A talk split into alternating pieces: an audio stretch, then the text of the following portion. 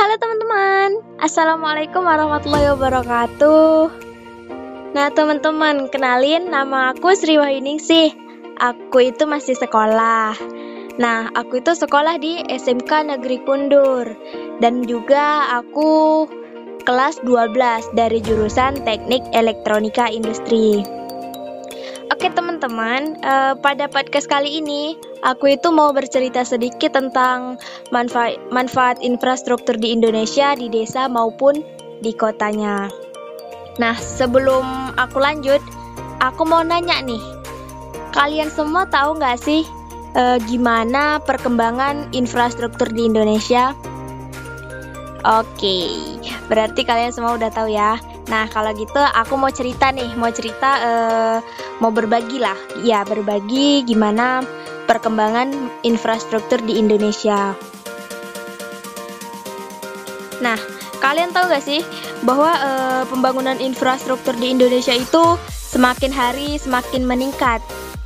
Ya, walaupun uh, pelan namun ya terlihat pasti sih. Ya, mulai dari pembangunan jalan, bandara, saluran komunikasi, uh, seperti apa ya? Ada lagi rel kereta api, pelabuhan yang besar maupun yang kecil. Dan masih dan masih banyak lagi manfaat yang sangat menguntungkan untuk negara. Nah, ini ya teman-teman, sejarah nih. Sejarah juga membuktikan dengan adanya pembangunan infrastruktur ini, maka sebuah negara juga akan mengalami kemajuan yang sangat pesat. Nah, gimana teman-teman? Kalian bisa merasa kalian udah ngerasain belum uh, kemajuan itu sendiri? Oh iya teman-teman, aku juga ada cerita nih, cerita uh, gimana keadaan desaku saat ini dan dulunya. Ini nih ya, aku mau cerita sedikit nih. Uh, dulu itu di desaku itu jalannya masih sangat rusak. Selain sempit, jalannya juga terlalu banyak lubang gitu sehingga uh, kendaraan yang bisa lewat itu hanya kendaraan roda 2 sedangkan roda 4 tidak bisa lewat. Jadi sangat jarang sekali ditemukan uh, apa roda 4 lewat di desaku itu. Jadi yang paling banyak itu uh, roda 2 aja roda 2 aja gitu. Nah setelah uh, perkembang pembangunan infrastruktur ini masuk akhirnya berangsur-angsur jalan itu dilebarkan lagi dan uh, diperbaiki dan kalian tahu gak sih? Jadi saat ini nih jalan di desaku itu sudah sangat ramai gitu. E, mulai dari roda 2, roda 4 itu sudah bisa melewati, bahkan bisa simpangan karena sudah dilebarkan. Nah, selain itu e, masyarakat yang ada di apa yang ada di desaku itu senang sekali termasuk ya aku aku juga senang karena ya kalau aku mau pergi sekolah nih ya pergi ke sekolah ke pergi sekolah ke SMK aku itu nggak perlu repot-repot lagi kayak gimana ya kan dulu itu jalannya ya sangat rusak jadi uh, aku itu harus hati-hati dong jadi mengakibatkan aku itu harus terlambat ke sekolah gitu. Nah sekarang ini aku kalau mau cepat cep, kalau mau cepat-cepat pun aku udah bisa karena ya jalan di desaku itu sudah mulus. Nah, gimana? Enak kan teman-teman kalau uh, pembangunan infrastruktur itu sudah masuk, manfaatnya bisa kita bisa kita rasakan, manfaatnya itu sudah sangat terlihat sekali, bukan? Nah, Selain itu, pembangunan infrastruktur ini juga bisa mengekspos ciri khas daerah ke permukaan umum, bahkan dikenal banyak orang.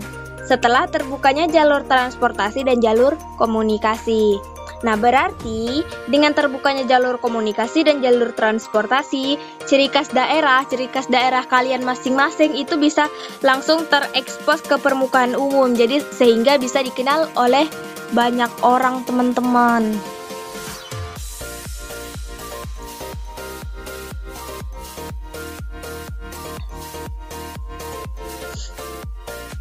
Nah, dengan terbukanya jalur komunikasi, kebayang dong gimana mudahnya kita untuk saling komunikasi jarak jauh.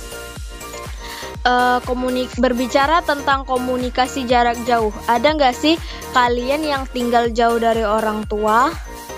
Uh, singkat cerita untuk kita para remaja kalian yang LDR. Gimana ya bahasanya? Ya LDR. mungkin kalian para remaja ya yang uh, ngalamin LDR, mungkin pacar kalian yang ada yang jauh ataupun kalian yang jauh dari pacar kalian. Ya gitu deh LDR. Oke, kita lanjut ya teman-teman. Nah, dengan terbukanya jalur komunikasi ini, kalian bisa menghubungi, saling menghubungi, saling mengabari di setiap harinya. Bahkan kalian bisa uh, video call kayak tatap muka, tatap muka langsung gitu, tanpa harus pulang. Jika eh kalaupun kalian ingin pulang, itu akan itu juga lebih mudah. Lebih mudah karena jalur transportasi pun sudah dibuka. Nih ya teman-teman, uh, Bayangkan aja nih, uh, kan Indonesia itu terdiri dari 17.504 pulau, 1.340 suku bangsa, dan masih ada 546 suku bahasa daerah. Gimana teman-teman? Sebenarnya sebenarnya nih ya, kalian ngaku aja deh gimana? Kalian harus ngaku nih. Pasti kalian masih ada yang masih ada yang belum tahu kan? Uh, berapa banyak pulau di Indonesia, berapa banyak suku daerah di suku bangsa di di Indonesia dan bahasa daerah di Indonesia. Ngaku aja deh kalian. Sebenarnya nih ya, aku mau jujur nih, ya aku mau jujur nih, aku jujur ya. Sebenarnya aku itu juga masih belum tahu dulunya. Bukan dulunya sih sebelum aku membaca artikel iya.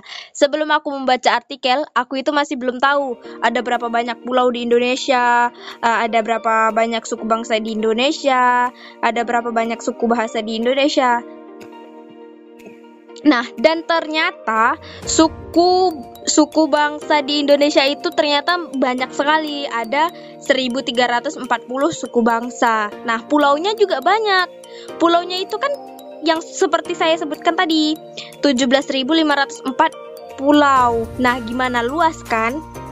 Banyak kan pulau di Indonesia. Begitu juga dengan suku bahasa. Nah, jadi gimana ya? Awalnya itu aku itu kaget karena sebe karena sebelum itu sebelum aku membaca artikel aku masih belum tahu tuh uh, pulau berapa banyak pulau berapa banyak suku bangsa berapa banyak bahasa daerah yang ada di Indonesia. Sebenarnya kalau aku mau kalau aku rajin dari dulu rajin uh, untuk membuka buka buku-buku sejarah ataupun buku-buku apa gitu mungkin aku udah tahu tapi karena ya kemalasanku ini jadi aku tidak tahu sampai akhirnya aku membuka artikel membaca artikel dan di situlah aku bisa tahu gimana teman-teman jangan dicontoh ya sikapku ini Nah, gimana? Luas kan? Betapa luasnya Indonesia kita ini dan e, betapa luasnya juga pembangunan infrastruktur yang ada di Indonesia ini. Nah, oleh karena itu, karena e, luasnya pembangunan infrastruktur di Indonesia ini, marilah kita jaga, marilah kita jaga dan kita lestarikan. Kak, gimana sih Kak menjaga dan melestari, melestarikan hasil dari pembangunan tersebut? Itu tergantung dari diri kalian sendiri jika kalian menyadari akan manfaat e, dari pembangunan infrastruktur ini, maka akan timbul sendiri tuh di pikiran kalian, oh aku itu harus gini sebenarnya kan e, manfaatnya sudah sangat terlihat nih. Aku, oh iya aku tuh harus gini, aku harus begini. Ini jaganya harus kayak gini, harus kayak gini. Nah gitu. Karena e, manusia itu kan memiliki karakter yang berbeda-beda sehingga dengan kesadaran mereka masing-masing tanpa mereka sadari juga pikiran uh, untuk menjaga dan melestarikan hasil dari apa pembangunan infrastruktur ini akan muncul dengan sendirinya. Nah, teman-teman, manfaat infrastruktur juga uh, bagi masyarakat Indonesia ini setelah Bapak Presiden Jokowi dilantik beserta jajarannya, pemerintah langsung ambil tindakan cepat tuh untuk apa? untuk membangun uh, infrastruktur ya berupa tadi yang saya yang aku katakan nih uh, berupa jalanan, jembatan serta masih ada pembangunan lainnya sebagai sarana irigasi untuk kehidupan perekonomian negara. Nah, gimana nih teman-teman? Jadi bisa kita lihat dong berarti uh, perekonomian negara itu berasal dari pembangunan infrastruktur. Jadi pembangunan infrastruktur ini sangat membantu untuk kehidupan perekonomian negara. Nah, Dalam empat tahun terakhir ini juga pembangunan infrastruktur di Indonesia hasilnya sudah sangat terlihat nih. Hasilnya sudah sangat luar biasa. Ya wajib kita akuin dong eh, bahwa pekerjaan dari pemerintah dalam membangun infrastruktur antar wilayah, antar daerah, antar desa sebagai penghubung nomor satu di Indonesia. Sehingga bisa kita lihat dong bahwa konektivitas dari desa ke kota, dari desa dari desa ke kota sudah terlihat sudah terhubung dengan baik. Gimana teman-teman? Hasilnya itu sudah sangat luar biasa kan? Gimana ya? Aku aja bangga gitu. Bangga karena ya benar-benar ber berjalan gitu pembangunan infrastrukturnya. Nah, gimana? Hasilnya gimana ya? Hasilnya itu memuaskan bukan? Lihat saja ya teman-teman, dalam empat tahun belakangan ini dengan kepemimpinan e, Bapak Presiden Joko Widodo sudah terbang sudah terbangun jalan sepanjang 3.432 km. Gimana teman-teman? jalan aja baru jalan nih, jalan aja baru se sudah sepanjang uh, 3.432 km dan masih ada lagi seperti jalan tol. Jalan tol itu sudah sepanjang 947 km. Nah, masih ada juga nih seperti jembatan jembatan, jembatan gantung. Nah, gimana? Banyak kan? Terus apakah kalian masih mau bilang kalau pembangunan infrastruktur negara itu tidak berjalan? Siapa sih? Apakah masih ada yang apakah masih ada nih yang mengatakan bahwa pembangunan infrastruktur di Indonesia ini masih tidak berjalan. Siapa mereka yang mengatakan? Misalnya, kalau ada dari mereka yang mengatakan, berarti mereka itu masih belum menyadari, belum menyadari akan e, manfaat, akan keberhasilan dari pembangunan infrastruktur ini.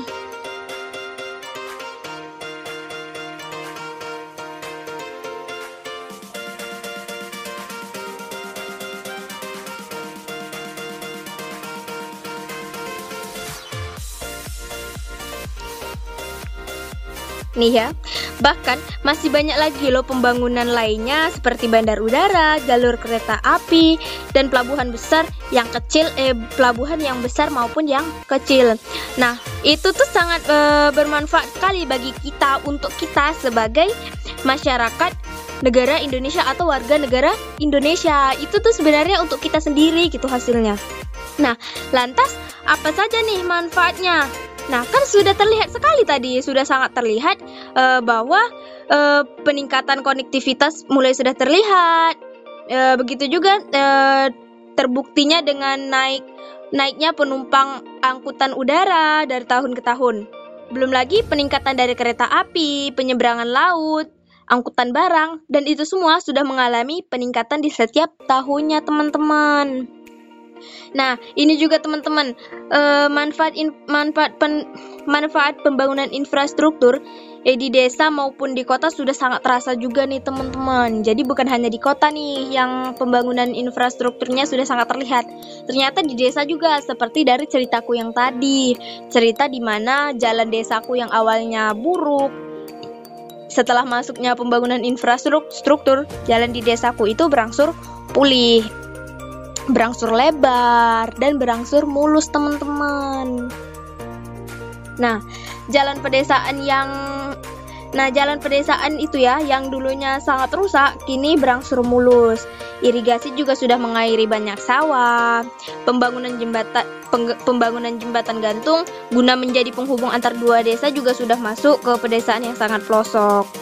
Jadi kalau kalian masuk ke desa-desa nih, misalnya ke desa yang sangat pelosok, gitu kan? Kalian mau eh, kalian ketemu dengan namanya sungai. Sungai itu penghubung antar dua desa nih. Di seberang sana ada desa misalnya desa B, sedangkan kalian ada di desa A. Nah, dengan tidak adanya jembatan gantung maka dengan tidak adanya jembatan gantung tentu kalian harus menyeberangi sungai terlebih dahulu kan sungai dengan bebatuan yang dialiri apa dialiri air yang begitu deras sehingga itu uh, sangat berbahaya kan untuk kalian dan untuk para penyeberang lainnya. Nah, dengan dibangunnya jembatan gantung ini, setidaknya kalian akan lebih mudah untuk menyeberang tanpa harus melewati uh, sungai bebatuan dengan air yang sangat deras. Nah, hingga terbukanya akses untuk penyaluran hasil bumi menjadi kehidupan untuk seluruh masyarakat yang ada di Indonesia. Dana desa juga saat ini sudah e, menunjukkan hasil terbaiknya yang telah membangun sarana dan prasarana penunjang ekonomi aktivitas aktivitas ekonomi masyarakat. Nah, saat ini seperti sudah terbangunnya 1.028.225 meter jembatan. Nah, itu aja jembatan sudah sepanjang itu. Belum lagi jalan desa, pasar desa, unit sarana juga, serta sarana dan prasarana lainnya. Gimana teman-teman?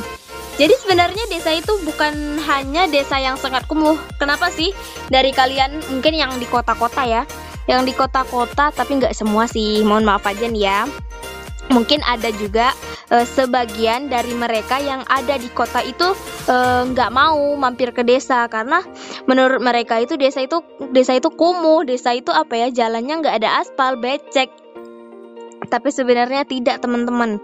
Desa itu selain suasananya asri uh, selain apa udaranya masih seger pemandangannya juga sangat indah kita lanjut ya teman-teman. gimana nih teman-teman? Dari tadi aku selalu serius ya, tapi gimana ya? Inilah aku teman-teman, gak bisa yang gimana ya? Aku tuh bawaannya kalau udah serius-serius gitu teman-teman. Ya udahlah ya. Oke teman-teman, kita lanjut ya.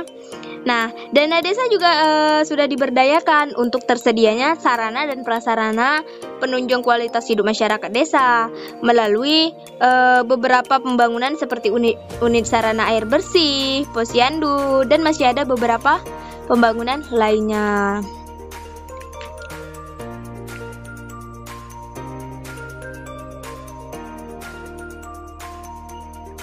Nah, gimana? Di desa aja sudah sangat terlihat tuh uh, keberhasilan pembangunan dana desa uh, level 1 di mana infrastruktur itu menjadi prioritas utama dalam uh, mendukung upaya kemakmuran rakyat rakyat pedesaan ke seluruh pelosok tanah air.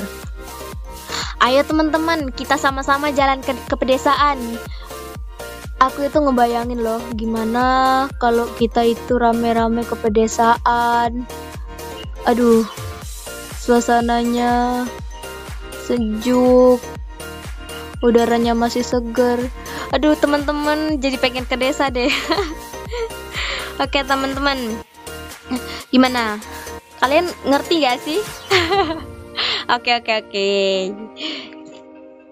Teman-teman jadi sebenarnya pembangunan uh, infrastruktur itu untuk diri kita sendiri. Jadi hasilnya itu untuk diri kita sendiri. Jadi kita harus sadar dong. Kita harus sadar uh, ternyata begini hasil dari pembangunan infrastruktur ini. Ternyata begini uh, manfaat dari pembangunan infrastruktur ini. Da dan karena kesadaran kita sendiri itu kita bisa dengan sendirinya menjaga dan melestarikan hasil dari pembangunan infrastruktur ini, teman-teman. Nah, uh, Pembangunan infrastruktur juga tidak lepas uh, dari tu dari tujuan. Tujuan apa? Tujuan untuk mewujudkan cita-cita dan Undang-Undang Dasar Negara Undang-Undang Dasar 1945 di mana uh, infrastruktur adalah jalan untuk mewujudkan kesejahteraan bangsa Indonesia. Oke teman-teman, kita udah sampai di penghujung nih. Aku Sri Wahyuningsih pamit undur diri. Uh, tunggu aku di podcast selanjutnya ya. Uh, see you guys. Wassalamualaikum warahmatullahi wabarakatuh.